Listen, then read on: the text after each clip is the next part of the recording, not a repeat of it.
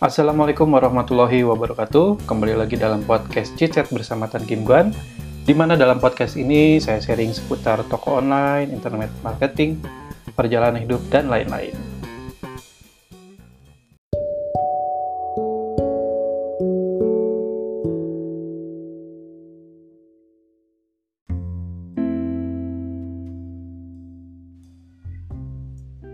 Assalamualaikum warahmatullahi wabarakatuh. Eh, di podcast ini saya berdua sama temen. Jadi temen ini dulunya teman istri, teman kuliah istri ya jadi teman sendiri akhirnya gitu kan. Eh, sebelumnya maaf kalau misalkan suaranya agak pelan dari biasanya karena setup saya itu ya podcast podcastan dalam artian sebelumnya kan saya cuma pakai lavalier yang dicolok ke iPad sendirian kan selesai gitu. Nah sekarang saya pengen ngobrol berdua, mic-nya cuma satu gitu.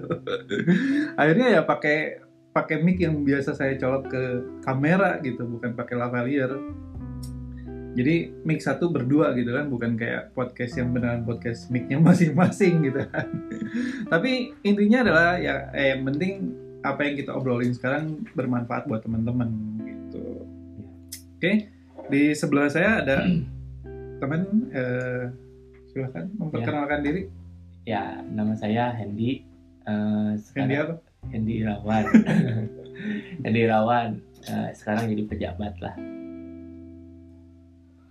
Ya, jadi pejabat. Sebelumnya kerja di perbankan. Sudah mulai tahu. Ya, Tadi dulu sekarang pejabatnya pejabat apa? pengangguran Jawa Barat. Oke. Eh, sebenarnya menarik. Menariknya itu buat saya karena gini. Hendy ini dulu kuliah teh di Unpas. Jurusan jurusan manajemen, manajemen ya, manajemen SDM, SDM. Dan dia kerja di perbankan, perbankan sebagai marketing. nah ini yang menarik adalah banyak banyak orang di Indonesia. Saya nggak tahu kalau di luar saya juga belum pernah tahu. Maksudnya gini saat awal kita kuliah itu kuliah apa kerjanya jadi apa benar jadi kalau saya dulu kuliah di Unicom jurusan teknik informatika dan itu ada bercandaan bahwa kita itu akan kerjanya jadi sebagai tukang ketik. Walaupun kita belajar jadi eh, manajer manajer IT dalam artian eh, saya S1 ngambil S1 informatika. Jadi eh, bedanya itu S1 informatika itu bukan desain bukan di apa ya dibentuk untuk jadi programmer bukan. Kalau programmer itu D3-nya gitu. Kalau S1 itu sebagai manajernya yang memanage si programmer nyuruh ngapain nyuruh ngapain gitu kan. Tapi jargon bukan jargon ya bercandaan anak-anak itu ya kita tetap aja nanti kerjanya bakalan jadi tukang ketik tukang ketik. Karena eh, orang taunya bagian informatika ahli komputer bisa ngetik gitu kan. Atau kalau enggak bagian servis komputer gitu kan. Bagian-bagian seperti itu. misal-misal jargonnya gitu. Tapi ya pada akhirnya saya mal, sekarang malah jualan online gitu kan. Nggak lebih nggak nyambung lagi gitu. Nah yang menarik adalah eh, menurut Hendy kenapa? Orang kuliah A kerjanya B orang kuliah C kerjanya F. Karena eh, kemudahan. maksudnya kemudahan? Jadi spesialis itu tuh ternyata yang saya tahu eh, apa namanya tuh? Misalnya nih saya bagian SDM saya kebentur sama orang-orang psikolog jadi kalau mau masuk ke dunia HRD kalah dengan psikolog. Dan pekerjaan yang paling mudah untuk masuk itu di perbankan dan menjadi marketing. Dari lu kan eh, jurus eh jurusan? Bukan jurusan. Itu kan Iya. SDM kan? Mana sih? Spesialisnya. Spesialisasi. Nah tapi kan jurusan nanti kan manajemen. manajemen kan? Manajemen karena manajemen itu dibagi ada manajemen pemasaran, pemasaran, manajemen keuangan. Ah, Nah, saya lebih ke SDM. HRD, ya lebih ke Hmm. SDM-nya. Tapi ternyata SDM itu lebih enak kalau dari psikologi gitu. Psikologi karena di mereka lebih tahu eh, karakter orangnya, Hmm, tapi tidak bisa memanage orangnya. Oke. Tapi dulu belajar ada mata kuliah psikologi gitu nggak? Nggak ada, Nggak ada. ada. Karena kita lebihnya lebih ke SDM lah. Eh lebih ke manajemennya. Berarti jadi manajer SDM gitu. Ya, betul.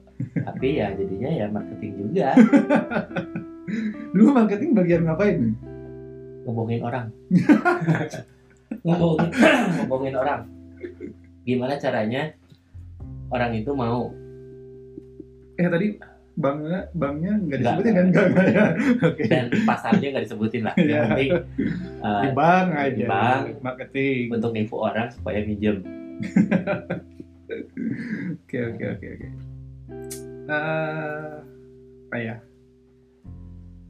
Ya gitu sih. Berarti yang salah itu entah apa ya? eh, kurikulum atau jadi belajar masuk kuliah SDM ternyata tidak bisa langsung jadi manajer SDM gitu ya. Iya, nggak nggak. Tapi pernah nggak ngelamar sebagai pernah bagian HRD gitu? pernah. Tapi ya disandingkannya dengan psikolog. Maksudnya saingannya pas saingannya saingannya dengan psikolog ya kalau secara matematik psikolog lebih mengerti karena mereka belajar untuk ngerekrut orang secara psikologinya ya. iya jadi kan kayak kalau mau masuk kerja harus psikotes Hmm. nah belajar psikotes tahunya anak psikologi Kenapa nggak eh, bagian HRD ya udah sih nyewa psikolog aja sebagai nah yang bagian gitu-gitu aja gitu. Tapi tetap orang HRD yang megangnya. gitu. karena perusahaan tidak mau membayar double Jadi ya memang sih banyak di Indonesia satu karyawan itu kalau bisa multi talent gitu ya. nah, Jadi bayarnya sekali, tapi dia bisa ngerjain banyak Betul, hal betul, gitu. betul. Benar. Saya juga dulu pernah kerja begitu di salah satu perusahaan energi pada saat itu. Ya pada akhirnya perusahaan energi di Bandung pada akhirnya ya saya ngelamar jadi bagian IT dan kita jadi suruh bikin web terus suruh marketingin. Iya. Si web itu gitu kan taunya ya lu orang IT pasti ngerti lah gitu ya. Dulu nggak belajar yang beginian gitu pada saat Iya. kuliah gitu kan. Walaupun pada akhirnya sekarang ya ngerjain yang kayak gitu-gitu gitu. Cuman nggak nggak sesuai gitu dengan apa yang kita sesuai. pelajarin. Sebenarnya dari kalau kuliah tuh sebenarnya cuman untuk banyakin temen aja sebenarnya relasi koneksi, relasi koneksi. bukan. Kalau ilmu bisa belajar sendiri. Hmm. tapi kalau untuk titel dan koneksi itu ya Hmm, masalah koneksi ada eh, temennya istri dia kuliah S1 S1 apa S2 nya gitu ya. Di salah satu universitas di Bandung. Dan itu terkenal orang-orangnya itu eh, punya jabatan-jabatan tinggi. Ya eselon-eselon lah dan dan mereka memang rata-rata masuk kuliah itu bukan hanya sekedar mereka mau belajar. Intinya adalah mereka mencari relasi di situ dan dapat detail gitu kan. Betul. jadi ya gitu sih. Jadi intinya bukan mau belajar. Ya sebenarnya untuk sekarang cuman untuk titel untuk sosial sebenarnya. Untuk Hmm. kuliah itu untuk sosial. Oh kuliah di sini jurusan ini gelarnya ini loh gitu. Tapi ilmu yang didapat dan apa yang dikerjakan itu jangan cukup jauh. Mhm. cukup jauh. Tapi memang sekarang si orang yang tadi itu ya, dia buka usaha, ada satu usaha, dan usahanya itu banyak kliennya itu dapat dari koneksi-koneksi yang kuliah tadi gitu. sebenarnya jaringannya ke situ Iya, jadi dia networking sebetulnya Networking. kuliah tuh. jadi sebenarnya ya kuliah itu bukan sebenarnya kuliah gitu Padahal dah, maksudnya kayak saya gitu ya eh, informatika di Google banyak banyak banyak kita bisa bisa googling mau belajar bahasa pemrograman apa gitu kan. Tapi ya memang beda sih antara kuliah sama kita nyari sendiri. Kalau kita kuliah itu lebih terstruktur gitu Ya. kan. Tapi menurut saya kalau belajar otodidak akan lebih ke ekspor explore. Ya Hmm. akan lebih ke situ dibandingin kita belajar cuman materi-materi realnya tidak mereka tidak tahu kebanyakan juga kerja di bank ada lulusannya pertanian ada ini. Ya karena yang paling mudah untuk masuk kerja ya di perbankan. Hmm. Eh, ngomong-ngomong pertanian ada teman SMA saya dia kuliah pertanian di Universitas di Bandung. Dan sekarang kerjanya adalah sebagai manajer di minimarket. Itu lebih jauh lagi. Lebih jauh lagi kan harusnya kan ngembangin pangan yang ada di Indonesia. Iya tapi yang Bukan- teman yang satu memang dia kerjanya di daerah Kalimantan ngurusin sawit. Nah itu jelas. Nah itu nyambung nyambung banget. Gitu kan cuman yang satu ini jadi manajer di minimarket gitu kan. Nggak nyambung gitu. Iya. Kemarin eh, kerja di bank berapa lama? hampir tujuh bulan eh tujuh tahun 8 bulan. 7 tahun 8, 8 du- bulan. bulan dua hari Oke. Terus resign. terus resign Kenapa? Apa karena nggak sesuai dengan jurusan kuliah?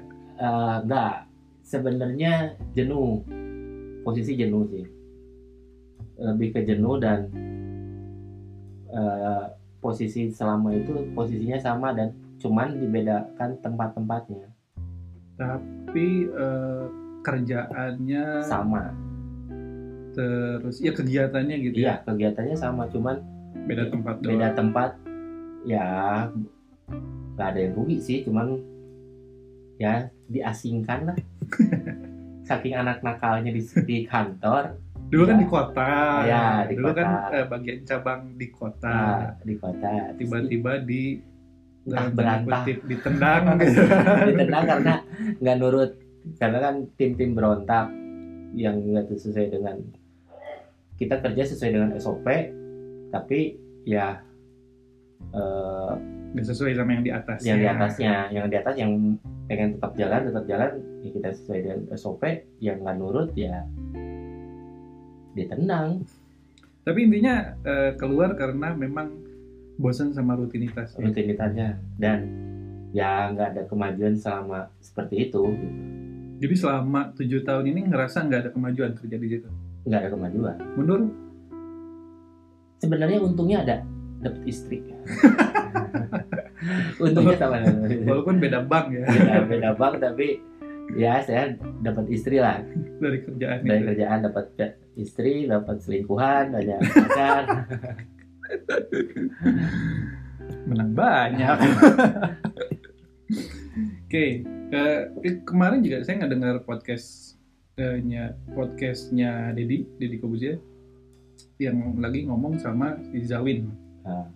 Jadi yang menarik adalah si Zawin ini ngomong gini, eh, dia pernah nge-tweet atau apa gitu ya. Saya juga ngedengerinnya sambil kerja, jadi nggak terlalu ngedengerin sambil nonton banget gitu nggak.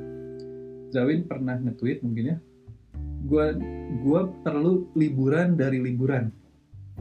Ya. Gue perlu liburan dari liburan gua gitu karena Zawin ini kalau teman-teman yang nggak tahu dia itu eh, apa stand up comedian yang sekarang bikin channel YouTube isinya adalah liburan naik gunung ke pantai dan sebagainya. Tapi yang menarik adalah dia hobi, dia hobi eh, naik gunung pergi ke pantai vacation yang begitu dan dia tiba-tiba ada di satu titik di mana dia ngerasa jenuh. Ya. Saya di apa ya di antara teman-teman IM itu eh, selalu ada bahasa bahwa kita ngejalanin passion gitu kan, eh, hobi gitu kan, Hobi. hobi yang menjadi ke- kerjaan itu menyenangkan. Hmm. Tapi ternyata pada saat hobi itu menjadi satu rutinitas yang terus-menerus dalam jangka waktu yang lama, itu akan jadi tidak menyenangkan lagi. betul betul betul Jadi asal bahasa Sunda nama bosen kiki wae gitu kan. ya sama. Emang kayak gitu kalau hobi jadiin pe- pencarian ya habis. Jadi nggak nggak menyenangkan nggak lagi gitu. menyenangkan karena hobi hobi ya hobi untuk menjadi kalau mendapatkan hasil itu menjadi eh, penghasilan tambahan. Hmm. seharusnya ke situ bukan menjadi pekerjaan utama. utama. Kalau pekerjaan utama nggak dapat yang kita maunya Hmm, hmm. Kayak saya juga hobi eh, foto, terus bikin video, saya juga bikin channel YouTube.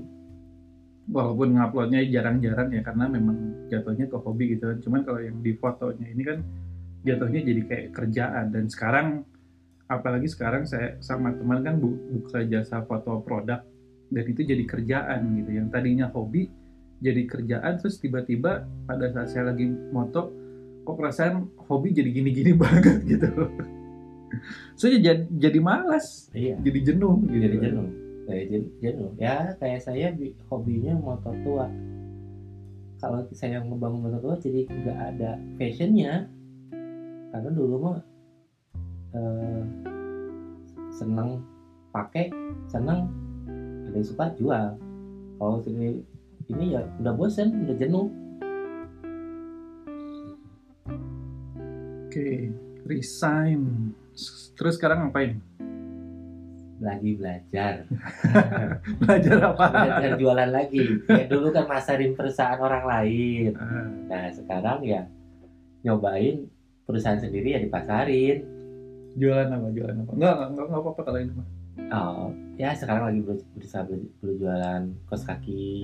Hmm. Sekarang lebih ke fashion lah, lebih ke fashion kos Ke- kaki, sweater dan BKK-nya lah. Jualan online lah gitu Ya, ya. ada. Kenapa nggak ngelamar kerja lagi dengan jabatan atau posisi yang berbeda? Karena tadi kan resign itu atas dasar bosen dengan rutinitas. Hmm.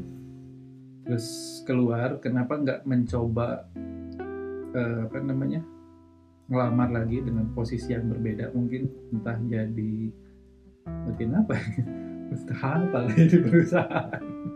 Ya bagian-bagian yang lain Iya. selain marketing. Kenapa malah jadi jualan? Sekarang gini ya, dengan usia saya yang lumayan cukup tua, cukup tua berarti orang sabar yang cukup tua, ya, berarti orang tua bisa gitu. Karena saya berpikiran saya orangnya eh, pemikir. Thi- thinking eh thinking. Hmm. pemikir jadi segala sesuatu harus dipikirkan gitu. Jadi dengan kerja di, di tempat baru dengan usia sekarang kalau mau karir di perusahaan itu nggak akan langsung tahun pertama. Itu minimal penaksiran saya itu di dua tahun paling cepat. Nah dengan usia segitu gaji dengan seberapa akan kenaikannya seperti apa itu nggak akan bisa menaikkan tingkat kesejahteraan. Nah,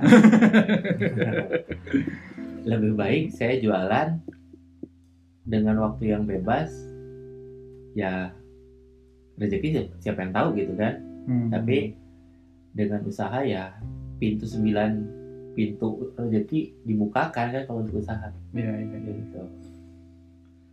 Eh, bebas ya. Sebetulnya lucu sih. Eh, banyak orang yang eh, resign terus jualan online atau apa pun itu yang di dunia IM dijalankan. Pertamanya awalnya pengen bebas.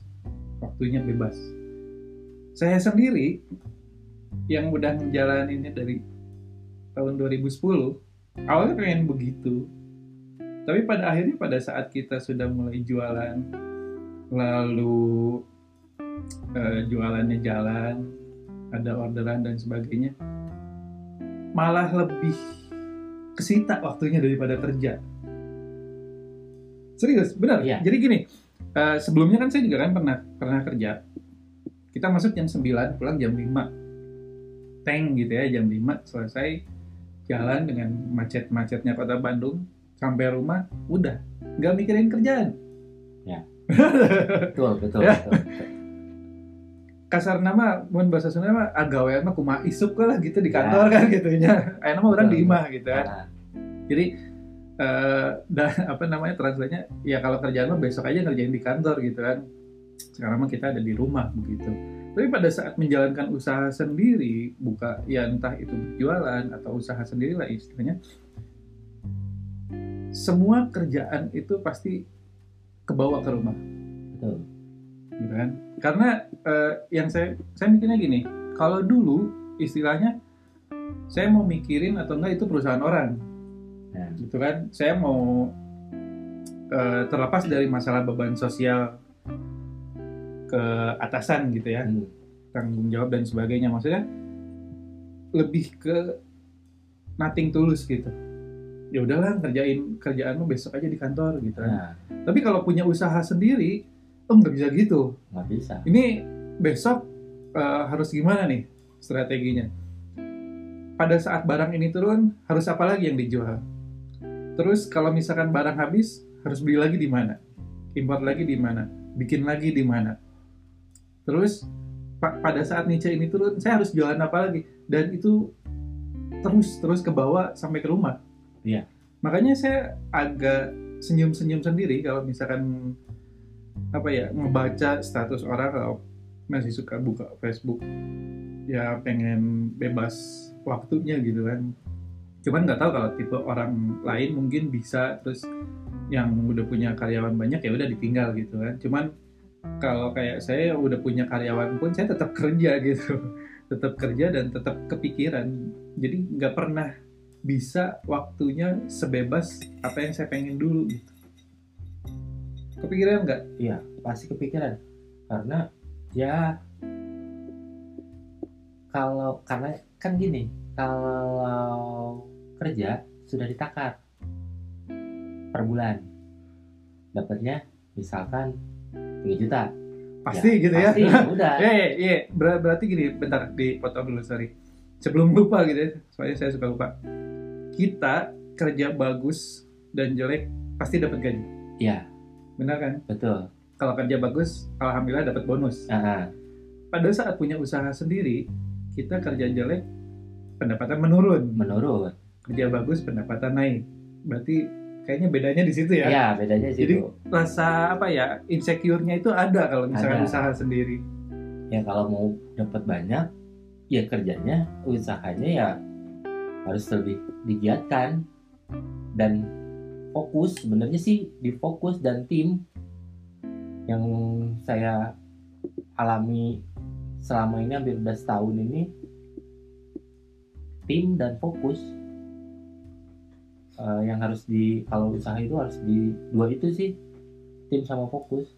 Tim yang benar ya, dan fokus di satu bidang gitu. Ya kayak sekarang dulu kemarin buka bengkel timnya acak-acakan ya habis gitu Itu itu itu bengkel gimana? ya sekarang sih masih masih nyisa cuman timnya nggak bener ya dari tiga orang yang mau kerja cuma dua ya berantakan gitu. Itu buka tek bengkel bertiga. bertiga bertiga yang satu saya bagian modal yang satu mekanik yang satu lagi yang nyari barang yang nyari barangnya. Nggak nggak cepat gitu. Nggak lebih ke ke keluarga gitu. Jadi nggak tahu kenapa gitu.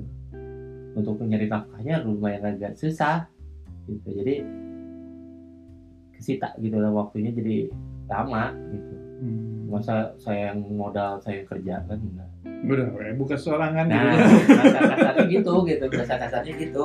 Ini bukan sendiri we gitu. Ya bahasa Sunda mah kuaing kuaing kene digawean geus sorangan. nah, Nah, jeung kudu ku batur gitu. nah. Masih bisa kok gitu. Ya daripada itu saya harus nyari koneksi lagi ya alhamdulillah. Dapat tempat produksi ya sekarang lagi mencoba untuk off lagi Sekarang sendiri. sekarang sendiri lah Kenapa sendiri nggak nggak? Kenapa nggak langsung bangun tim kayak waktu bikin bengkel?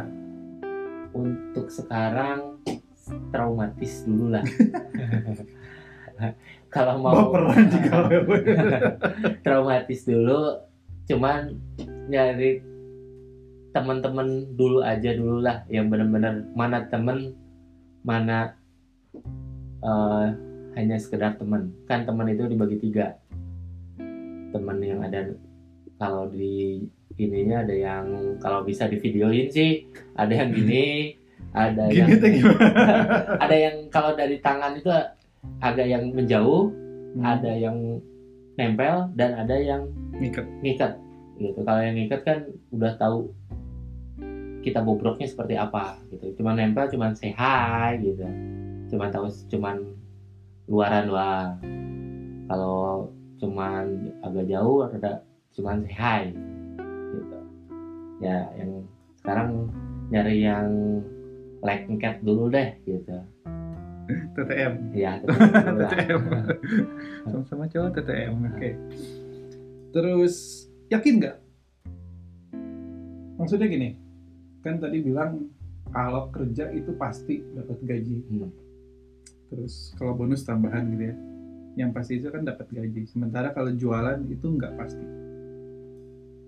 Dan kondisi Hendy sekarang sudah berkeluarga, anak dua, udah mulai pada masuk usia sekolah, kebutuhan meningkat, lalu sekarang kegiatan mencari nafkah di dunia yang tidak pasti.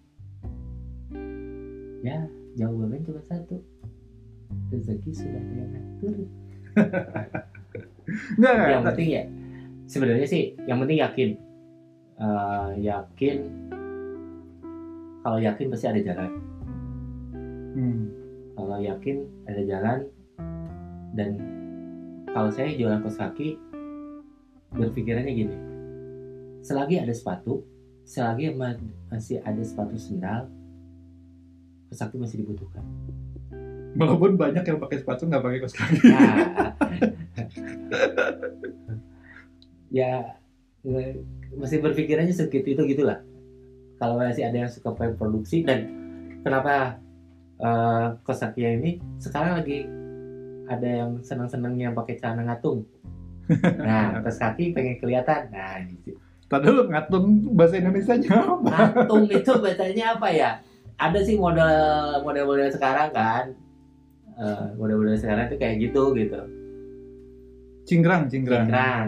Di atas mata kaki. Ya? Kalau di Uniqlo itu eh, celananya itu ankle. Engkel. Jadi di atas mata kaki celana. ya kan fashionnya lebih ke situ lah tahun-tahun balikin lagi tahun-tahun 80 lap- tahun 80-an Hmm.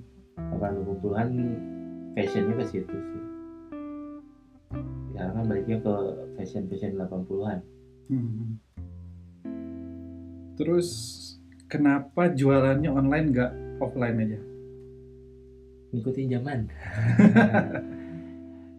orang mana orang umur bayi aja sudah megang handphone Iya, handphone juga cuman cuman nonton, Nah. nggak belanja juga.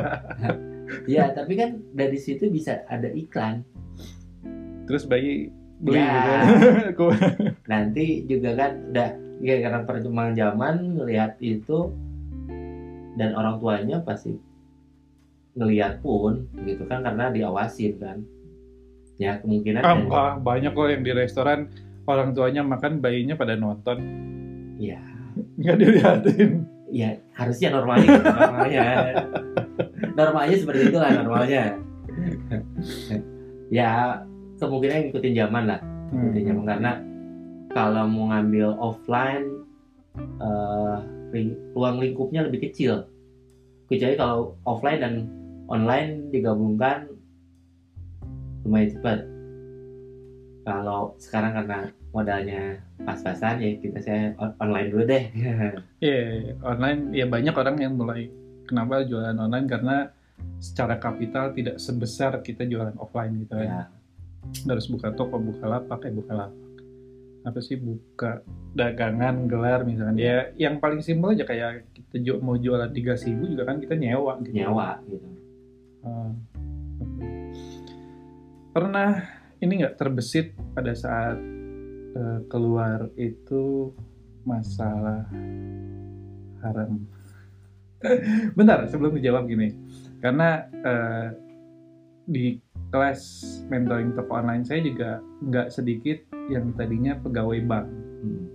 lalu pada akhirnya mereka resign dan salah satu alasan utamanya itu yaitu haram Hmm. maksudnya dari pekerjaannya dia sebagai marketing gitu kan terus ya menurut dia jadinya nggak berkah gitu saya Ya. juga nggak tahu dalaman kerja di bank itu kayak gimana gitu kenapa bisa sampai haram ya saya juga nggak tahu kalau nggak tahu kalau bagian HRD kena haramnya juga apa enggak gitu kan. Sa- uh, sebenarnya menurut saya nih yang kurang paham agama ya kerja di perbankan itu abu-abu. Abu-abunya karena? Abu-abu. Uh, menurut saya abu-abu. Karena ada yang sekarang gini lah kita jualan online. Transaksi pakai apa? Transfer. Transfer. Hmm. Lewat perbankan Hmm. kalau emang perbankan itu diharamkan harusnya tong online pun haram karena eh, melewatin pada prosesnya itu mele- melewatin bank bank nah Nah, makanya disebut kan itu cuma jadi transaksi aja. Kita karena mengikuti ini, iya, makanya berarti itu abu-abu. Nah, kalau berbicara soal pinjaman, iya, karena saya mengetahui bunga di perbankan lumayan. Tapi ada eh, perbankan pun sebenarnya diperhitungkan. Nggak mungkin semena-mena yang pinjam itu langsung dikasih pinjam. Karena dia melihat eh, apa kapasitas si orang ini bisa bayar atau enggak gitu jadi sebenarnya kalau soal haram kerja di perbankan haram harusnya MUI duluan nih yang bisa ngejudge bahwa kerja di perbankan itu haram hmm.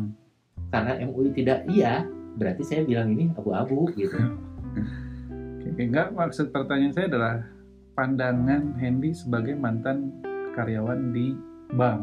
Gitu. Saya nggak bisa nanya terlalu banyak ke teman-teman yang di kelas mentoring toko online karena via chat gitu kan Hmm. Dan tektokannya nggak enak gitu ya Hmm. kalau ngobrolin yang masalah gini. Maksudnya pernah kepikiran nggak? Oh, gue gue gue kerja di bank kayaknya nggak nggak berkah gitu karena misalkan eh, pekerjaannya dalam tanda kutip haram gitu ya Eh, apa sih riba gitu Semi, banyak ya, riba, riba gitu terus katanya. jadi nggak Nah, nggak berkah gitu walaupun waktu itu ada member yang kerjanya di bagian HRD saya sebelah mana haramnya kalau HRD gitu kan gitu. ya, tapi tapi kan kalau Hendy kan maksudnya marketing ya lebih lebih itu lebih iya Iya. Lebih iya itu lebih, lebih iya iya gitu ya. ini kan dari, dari awal saya bilang saya menipu orang gitu siapa sih yang eh, kadang-kadang ada orang yang butuh uang tapi ya kita paksa untuk bisa meminjam gitu Gimana? tadinya nggak butuh minjem nggak butuh minjam ah minjem lah gitu kan kita marketing itu sebelum bica eh, tidak kita terus nggak mas. saya nggak pinjem. Udah. Udah. Kalau misalkan masih ah, jawabannya saya, ah, ah, saya harus ngobrol dulu sama istri atau ah saya belum ada keperluan. Wah itu udah. Follow Itu jadi up sa- terus follow ya up terus. Udah udah kayak pacaran aja. Ngedeketinnya udah kayak pacaran aja. Nelpon udah datang ke rumahnya ya gimana caranya bisa mereka bisa mau pinjam ke kita gitu Hmm. karena pesaing itu ya cukup banyak gitu Terus haramnya sebelah mana? Dalam artian ya saya juga maksudnya nggak nggak terlalu paham gitu kan. Kan kita karyawan, kita digaji. Apakah karena bank dapat dari eh, apa namanya bunga, terus mungkin ada uang dari bunga itu bayar buat gaji kita, jatuhnya jadi haram? Ataukah di proses pada saat eh, rutinitas kerjaannya maksudnya? kalau sebenarnya yang tahu sih sebenarnya yang, yang kurang paham nih mungkin dari teman-teman juga tak lebih tahu mungkin ya ya karena bunga satu bunga karena dilipatkan saya sebagai marketing saya ngelihat ada yang minjem 200 juta itu bunganya bisa sampai 150 juta 75 persen. hampir hampir seperti itu jadi kemungkinan orang itu minjem 200 juta harus kembali ini sebenarnya 350 juta kalau real dengan matematika Sampai gede ya? Iya. Nggak, maksudnya kalau misalkan kayak cicilan mobil, motor memang rata-rata kayak gitu gitu. Tapi karena kan sistem bunganya sistem bunganya itu menurun. Jadi bunga yang besar duluan. Hmm, kalau di total tapi sebenarnya dalam perjalanan perkreditan akan ada top up lagi sebenarnya. Hmm, gitu. Cuman kalau secara pandangan matematika kalau itu semisal minjem 5, 10 tahun atau 15 tahun itu secara real matematikanya akan besar. Nah dari situ sebenarnya bisa menjerat si debitur itu ke sengsara sebenarnya hmm, hmm. karena dia dia kalau mending kalau dia dipakai uang itu untuk usaha makanya saya selalu bi- bicarakan soal usahanya muter gitu. nah kalau diusahakan menghasilkan. menghasilkan nggak jadi masalah tapi yang saya yang soal khawatir kalau dipakai untuk sehari-hari habis, habis babak belur. babak belur ya itu yang saya selalu meng- sebenarnya perbankan itu bukan jasa peminjam harusnya menjadi uh, fasilitator untuk jasa keuangan. Hmm, jadi untuk yang minjem itu dikasih tahu dulu uh, bahwa ini tuh minjem tuh gini gini gini, ya. Jadi ada dikasih tahu lah. Jadi bu- menjadi apa ya namanya tuh? Uh, ya kayak konselingnya lah konseling keuangan gitu lah Uh, ini kayak gini loh ini kayak gini loh nah seperti itu sebenarnya harusnya perbankan seperti itu dan ngasih solusi. ngasih solusi Minjem ke kita. pinjam ke kita. nah gitu jadi kita ngambil dulu raup eh, ininya nah sama ya karena pinjamnya gede itu yang bunganya gede ya sebenarnya kan kalau mau minjem secara agama tidak ada bunga gitu Hmm, kalau minjem 10 juta ya udah aja balikin lagi 10 juta hmm. tapi kan bayar kan untuk biaya bayar karyawan ini ini ini seperti itunya ditambah kadang-kadang akad kredit tidak dikasih tahu bunganya total berapa Nggak dikasih tahu. enggak di, Tapi di surat Normalnya. perjanjian ada ya. ada soal Dan perjanjian kebanyakan memang Tidak nggak pernah dibaca. dibaca. cuman Buka halaman akhir tanda tangan. tanda tangan nah kan kalau debitur yang pintar itu akan nanya total jasa berapa Pernah ada. Alhamdulillah enggak. Cuman kalau ngeliat jadwal angsuran, kalau ada yang bertanya ya pernah. Hmm. Karena dia untuk us- usaha, untuk beli tanah. Jadi dia mau minjem berapapun, tanah itu akan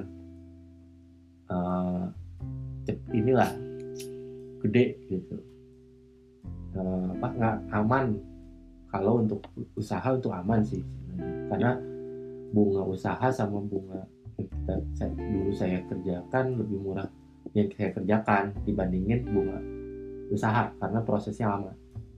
Oh, Kalau, kalau minjem buat usaha prosesnya lama. lumayan lumayan. Karena harus ada survei ada ini. Kalau kita cuman nunjukin satu kertas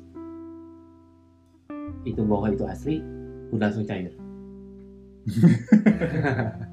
Tapi bunganya lebih besar. Eh, sebut besar sih kalau di sama kompetitor ya enggak sebenarnya Hmm. cuman kalau dibandingkan sama usaha jangka waktunya lebih panjang Jadi pinjem ada apa ya kayak paket Nah, pinjaman gitu ya. ya. Paket pinjaman untuk usaha dan paket pinjaman reguler lah Nah, gitu ya. ya. Paket pinjaman usaha itu apa namanya prosesnya lebih ribet, lebih lama tapi bunganya lebih rendah gitu. lebih rendah tapi prosesnya ya lumayan cukup Hmm. lama. Kalau yang reguler ini cepat tapi bunganya lebih tinggi, Tinggi. daripada yang usaha tadi. nah tapi ya hitungannya bukan hitungan hari Hmm. sehari itu hitungan hari sih sebenarnya tapi sebenarnya itu hitungan kalau yang itu bisa sat- satu jam setengah hari lah bisa langsung cair setengah, Sebetulnya ya. sebetulnya setengah jam juga eh setengah hari misalnya masuk berkas so, malam sore besok ditelepon Udah langsung akad. langsung akad Hmm. karena untuk satu hari itu sebenarnya untuk info BI Oh. untuk sekarang sih bukan info BI untuk sekarang OJK Hmm. jadi ngelihat karakter si orang ini gimana takutnya ada pinjaman banyak cuma itu aja sih Hmm. BI checking, BI checking. hmm. Oke.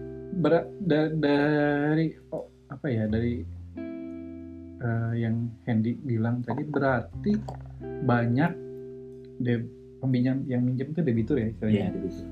Jadi banyak debitur ini sebetulnya yang nggak ngeh bunganya itu secara nominal ya, Iya. bukan persentase ya.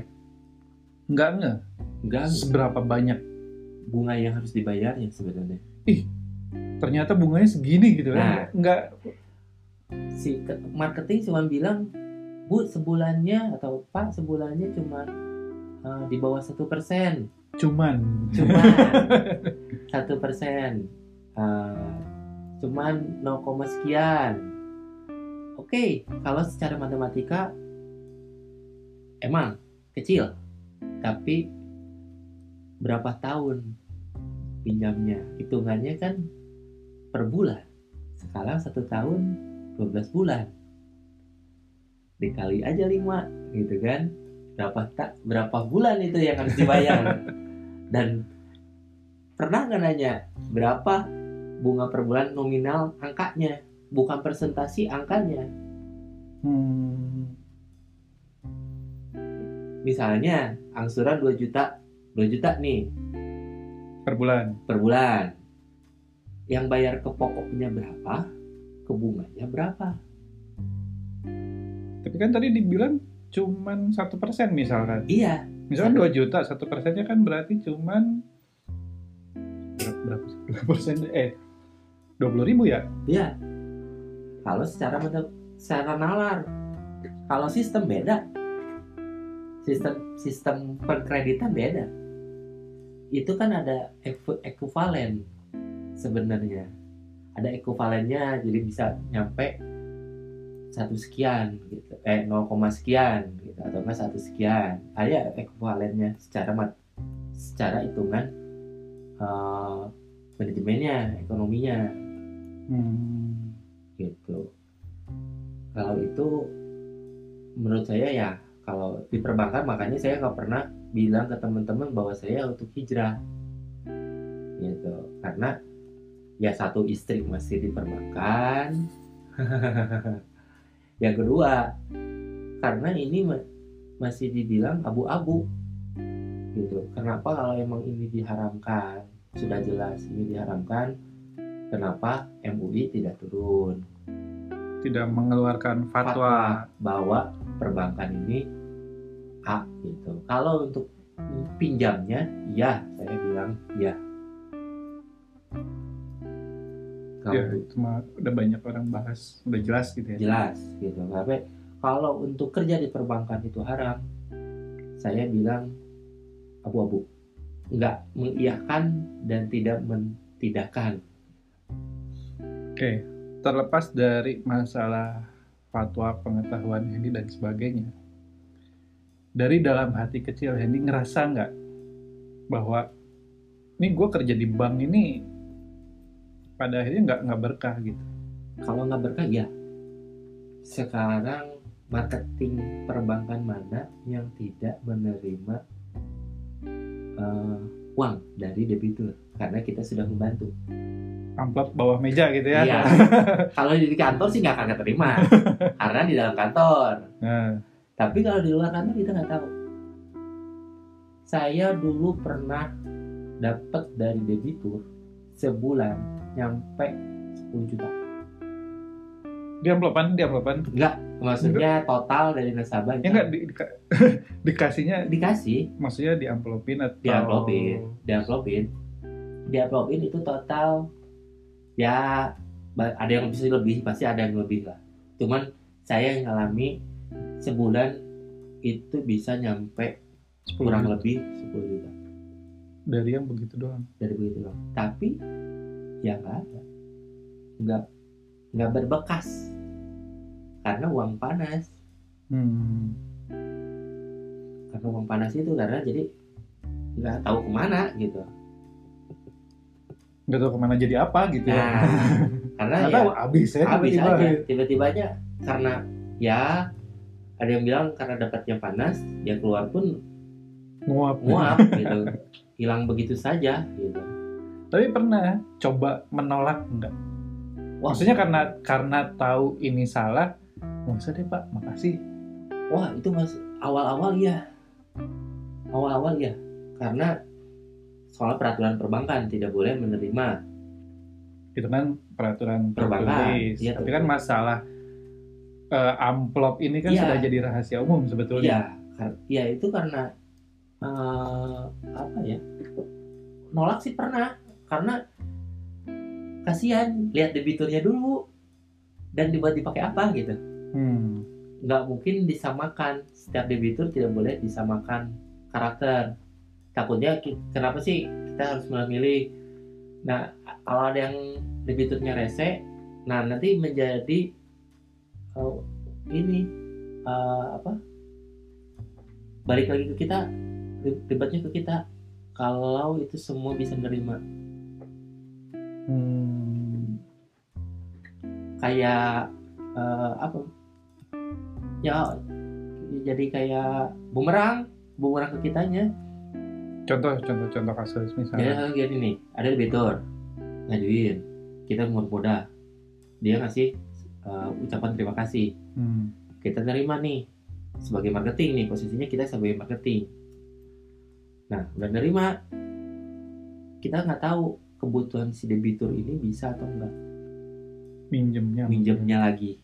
Hmm. kan kita kita masih posisi ah, misalnya ambil kotor selama 2 tahun kita masih di tempat yang sama debitur itu minjam tapi peraturan perbankan beda lagi. Tiap tiap tahun kan atau tiap bulan kadang-kadang pada perubahan. Hmm. nah takutnya dia sok sama saya dikasih berapa mau bapak yang penting saya penting cair Hmm. nah dengan nilai yang lebih. mungkin tidak disetujui gitu ya. ya kan kita waktu nerima nerima nerima aja Hmm. gitu karena sudah dibantu Nah, Hmm. tapi kalau ada yang debiturnya rese, nah seperti itu kita emang tetap nggak bisa karena proses di kitanya emang nggak bisa gitu.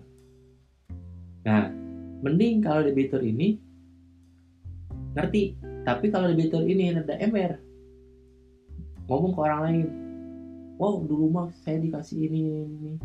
eh bapak ini dikasih ini, kan suka dilebih-lebihin.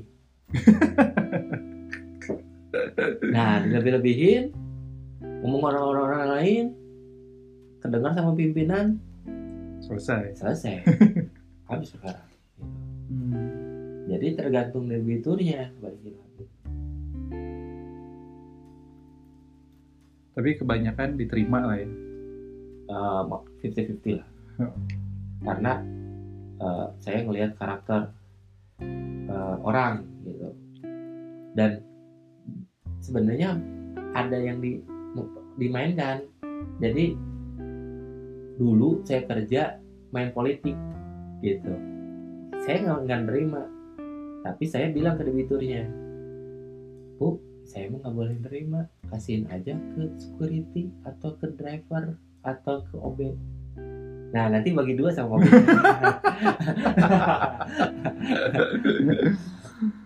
Oke. Berarti sebetulnya Hendy tahu itu uang panas gitu kan, Hmm. dalam tanda kutip eh, uang haram gitu kan. ya Lalu kenapa masih nerima? kebutuhan sebenarnya kebutuhannya yang karena pengen karena gini lah hidup perbankan pengen kelihatan wah gitu kan kadang-kadang ya pengen branded pengen apa pengen apa gampang gitu karena ya nggak mungkinin dengan gaji sebenarnya kalau gaji di perbankan sebenarnya sama gitu ya Sama di kantor lain sama sebenarnya cuman kita main uang jual uang gitu. banyak yang gitu-gitu. Iya, banyak yang gitu-gitunya ya.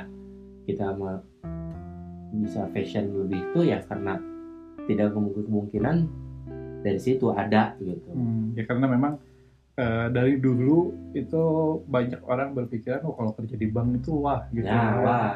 kayak orang tua udah nanti udah gede kerja di bank ya. Kita lihatnya kan wah mobilnya ini pakai mobil ini terus bajunya yang branded Hmm, terus tasnya branded atau apa. Pokoknya fashionnya yang branded gitu. Karena untuk menunjang penampilan kita apalagi kalau yang udah sekelas eh, apa pinjamnya yang untuk mm-an nah itu lain cerita lagi. Karena bergaulnya dengan kita harus menyamakan. Hmm. gitu karena supaya sederajat lah. Oke oke. Jadi apa ya pandangan orang kerja di bank itu wah tapi nggak tahu cara dapatnya itu kayak gimana Nah. gitu ya. Bener atau enggak gitu kan. mending kalau yang menjual ada yang sampai ngejual diri kan karyawan bank. Itu bagian funding jual diri maksudnya? Yang ngambil dana. Yang ngambil dana. Kan kita kita mah yang ngebuang uang Hmm. ada yang narik dana. Yang deposito yang seperti itu ada yang supaya orang itu masuk ke kita dananya ada yang sampai ngejual barang eh ngejual diri. Jual diri beneran? Dia jual diri itu banyaknya sih plat merah. Hmm, oke oke oke. Lambang plat merah. Tapi berarti dia kebagian sebetulnya ya? Kalau sampai be- mau Iya. begitu maksudnya kalau hanya sekedar tuntutan pekerjaan nggak mungkin? Nggak mungkin. Ya pasti akan ada sekian persen Sekian lagi. persen. Sekian persen dari dari nilai mm kan? Iya, ya kebanyakan sih gitu. Ya lumayan kalau nyimpennya cuma 100 juta 200 juta sih nggak kerasa. Nah, Tapi kan nyimpen nyimpennya 10 m atau 5 m, ya, mereka ditarget 10 tahun 10 m satu bulan bisa nyampe 5 m. Lima tinggalin nyari 5 m lagi. Berarti kerja setahun sama satu tahunnya cuma kerja dua tahun eh dua bulan beres perkara target udah nyampe. Ya udah. Iya, iya, iya. sampai jual diri itu berarti udah basah di mana? Dalam tanda kutip basah di iya. mana? Ya dan makanya ya kenapa bank yang seperti itu ya kayak gitu. Ngabisin uangnya cepat dapat uangnya cepat. Ya salah satu kenapa keluar pun ya sudah capek dengan dunia seperti itu gitu. Hmm. sudah capek dunia itu ku ingat umur ya kalau dunia sudah mah dijamin akhirat belum ada yang jamin dunia udah dijamin urusan dunia ya udah pasti gitu Udah pasti, kan. gitu. udah pasti dapat makan udah pasti Udah. bisa makan tapi urusan akhirat ke kanan atau ke kiri nggak Ya, ada yang menjamin nggak ada yang hadis yang atau Al-Quran yang menjamin bahwa eh, kita akan masuk eh, ini tapi kan dikasih cuman dikasih pilihan sama Tuhan. Ya. sama Allah cuma dikasih pilihan. Bahwa kalau mau masuk ini peraturannya ini. Kalau mau masuk ini peraturannya ini. Kita mau milih yang mana? Nabi Muhammad pun eh, yang sudah dijamin masuk surga ya istighfarnya masih gitu kan. Maksudnya tidak melepaskan ya udah sih eh, dalam tanda kutip ya udah saya udah aman gitu kan. Iya. nggak usah gitu-gitu lagi. Enggak gitu. Apalagi kita yang enggak dijamin. Banyak terlalu banyak gitu. Makanya dari situ ya banyak salah satu jenuh udah tambah jenuh tambah udah mulai tahu agama gitu kan. Hmm. dia menyadari udah capek eh, ketemu dengan orang-orang yang nggak benar gitu. Hmm. gitu. Ya sudah capek selingkuh itu mah kerja di bank nggak di bank juga kalau selingkuh ya selingkuh. Nggak ada urusan sama bank. Tapi kan eh, meminimalisir. Ya ya ya Bang. meminimalisir. Oke lah, eh, daripada makin ngelantur ke perselingkuhan. ya, semoga buat teman-teman yang mendengarkan sampai akhir pembicaraan ngelantur dari sana sini yang tadinya cuma mau ngebahas kenapa resign dari bank terus pindah ke jualan toko online karena ya saya lebih concern ke masalah toko online ya gitu kan. Tapi ya tadi menarik saya juga nggak tahu di dunia perbankan di dalamnya itu seperti apa gitu kan. Karena ya saya nggak pernah tahu gitu nggak pernah kerja juga di bank gitu.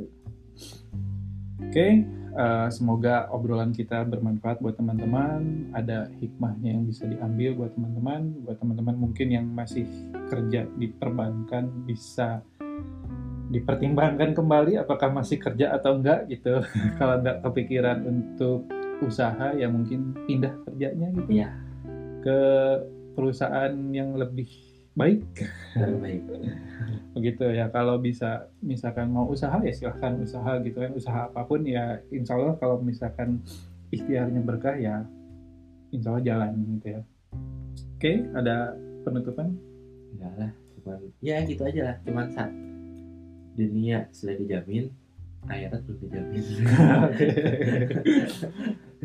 Jadi mencari eh, istilahnya mencari keamanan gitu ya? Ya buat akhirat urusan akhirat. Oke terima kasih buat teman-teman yang sudah mendengarkan. Assalamualaikum warahmatullahi wabarakatuh